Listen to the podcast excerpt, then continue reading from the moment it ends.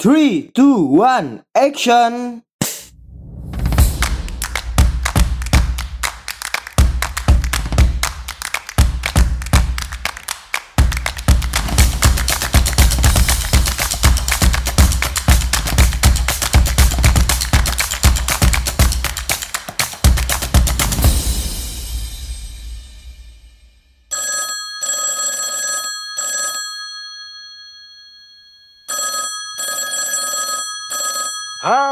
Selamat datang kembali di Pod by MA, tentunya di program Anak Komunikasi.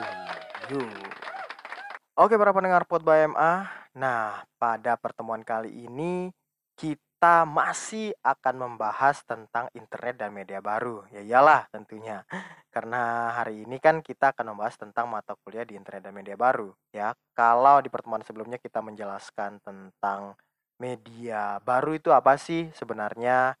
Kemudian kita bicara karakteristik, keunggulan, kemudian kita berbicara terkait kekuatan dari internet, kemudian pada pertemuan sebelumnya kita juga membahas masalah power ya, yang itu pembahasannya cukup umum, cukup luas, tetapi itu menjadi bisa menjadi subbagian pembahasan di pertemuan di internet dan media baru. Nah, pada pertemuan kali ini kita akan membahas tentang budaya pop dan identitas Ya, ini sesuatu yang apa sih hubungan antara internet dan media baru dengan budaya pop dan identitas. Nah, sebelum ke situ kita mulai menjelaskan dulu ya terkait apa sih sebenarnya yang disebut dengan budaya pop. Nah, kenapa nanti identitas akan kita bahas juga di internet seperti itu. Yang pertama budaya pop itu disebut sebagai budaya yang berasal dari rakyat, oleh rakyat, serta semua hal yang disukai oleh rakyat. Nah, lawannya dari budaya pop itu adalah high culture budaya pop, budaya masyarakat golongan rendah. Ya, itu kalau budaya popnya. Sisa peradaban masyarakat elit yang luhur dan terhormat. Nah, sehingga budaya pembebasan dari hegemoni oleh masyarakat minor atau anti pemerintahan itu kadangkala dijelaskan seperti itu. Dan definisi keempat ini yang terakhir ini ya, ini menjadi salah satu definisi yang paling dekat dengan budaya pop, yaitu budaya yang paling banyak diminati masyarakat kontemporer atau budaya massa. Jadi budaya pop disebut sebagai budaya yang dia itu lawan dari high culture, dia itu berbicara masalah budaya yang hampir semua masyarakat itu uh, ikuti, senangi, kemudian juga berbicara terkait ya budaya yang itu bisa lahir dari rakyat juga seperti itu. Nah, ciri-ciri budaya pop itu tren ya. Pertama trennya sebuah budaya yang menjadi tren atau diikuti atau disukai banyak orang berpotensi menjadi budaya populer. Nah, kalau budaya pop itu karena itu hadirnya dari rakyat, kemudian banyak diminati masyarakat, maka itu kadangkala bisa berpotensi menjadi populer atau budaya populer. Yang selanjutnya adalah keseragaman bentuk. Sebuah ciptaan manusia yang menjadi tren akhirnya diikuti oleh banyak penjiplak. Karya tersebut dapat menjadi pionir bagi karya-karya lain yang berciri sama. Sebagai contoh, genre musik pop diambil dari kata populer adalah genre musik yang notasi nada tidak terlalu kompleks. Jadi dia ya kuncinya itu ya hampir sama lah semuanya tidak terlalu banyak. Contoh kalau kalau dulu waktu saya itu masih SMP SMA itu kan dulu ada grup band namanya Raja. Kalau sekarang sih kalau nggak salah masih ada juga sih ya. Itu kuncinya hampir sama. Jadi satu album itu kuncinya sama. Cuma nanti tinggal petikannya aja yang berbeda sama dentuman drumnya yang berbeda. Nah, itu yang akan mengubah. Tapi sebenarnya kunci gitarnya itu hampir sama semuanya. Yang selanjutnya adalah adaptabilitas. Sebuah budaya populer mudah dinikmati dan diadaptasi oleh halayak. Hal ini mengarah pada tren. Kemudian selanjutnya ada durabilitas. Sebuah budaya populer akan dilihat berdasarkan durabilitas menghadapi waktu. Pionir budaya populer yang dapat mempertahankan dirinya bisa bila pesaing yang kemudian muncul tidak dapat menyaingi keunikan dirinya, akan bertahan seperti merek Coca-Cola yang sudah ada berpuluh-puluh tahun. Ini contoh yang secara umum ya, nanti kita merujuk ke internet dan media baru. Dan yang terakhir adalah dari ciri-ciri budaya pop itu ada profitabilitas. Dari sisi ekonomi, budaya populer berpotensi menghasilkan keuntungan yang besar bagi industri yang mendukungnya. Nah, kenapa budaya pop penting untuk kita bahas pada pertemuan internet dan media baru? Karena di dalam aplikasi-aplikasi atau di dalam program-program dari internet itu sendiri ada banyak sekali yang bisa disebut sebagai budaya pop. Contoh nih misalkan ya, kalau kita mengambil di ciri-cirinya bisa adaptasi ya, adaptabilitas dan keseragaman bentuk. Dulu sebelum adanya Facebook itu ada namanya Friendster dan ada forum-forum jauh lagi sebelum itu. Nah, kalau di Indonesia ada namanya Kaskus seperti itu itu menjadi sebuah forum di mana orang berbagi-bagi informasi sehingga orang menjadi banyak yang mengikuti, menyenangi ketika dia bisa menyampaikan sebuah informasi, mengetahui sebuah informasi dengan sangat cepat karena itu karakteristik dari media sosial juga ya, media baru saat ini itu cepat.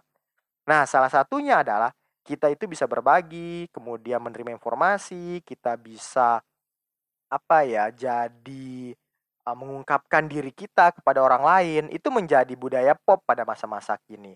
Nah, salah satunya adalah kehadiran Facebook saat ini, kemudian kehadiran Instagram, kehadiran Twitter, yang di mana sebenarnya itu adalah adaptasi-adaptasi dari yang sebelumnya berkembang-berkembang, tapi memunculkan beberapa karakteristik-karakteristik yang berbeda. Dan itu bisa jadi ya, kebutuhan masyarakat dianggap ya, bukan kebutuhan sih sebenarnya bahasanya, tapi dianggap sebagai kebutuhan masyarakat, di mana masyarakat itu ada orang-orang yang narsisme atau dia itu ingin memunculkan, menampilkan dirinya dilihat oleh orang lain dan dia itu ingin menampakkan seperti itu, maka muncullah tadi disebut sebagai budaya-budaya yang ada dari masyarakat ya. Maka muncullah media-media yang itu dihadirkan untuk menampilkan dirinya.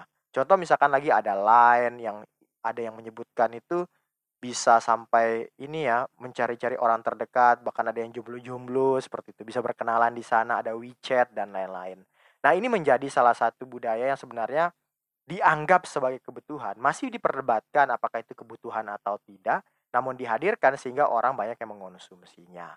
Nah kenapa saya bicara masalah budaya pop karena salah satu jika kita bicara masalah karakteristik dari budaya pop yang hadirnya itu adalah beberapa program-program ya atau platform lah bahasanya dari internet itu sendiri ada Facebook, ada Twitter, ada Instagram, ada YouTube. Terlebih sebenarnya YouTube ya, karena itu yang ditampilkan adalah foto dan uh, narasi yang dimunculkan. Maka itu menjadi sesuatu yang banyak dikonsumsi oleh orang banyak.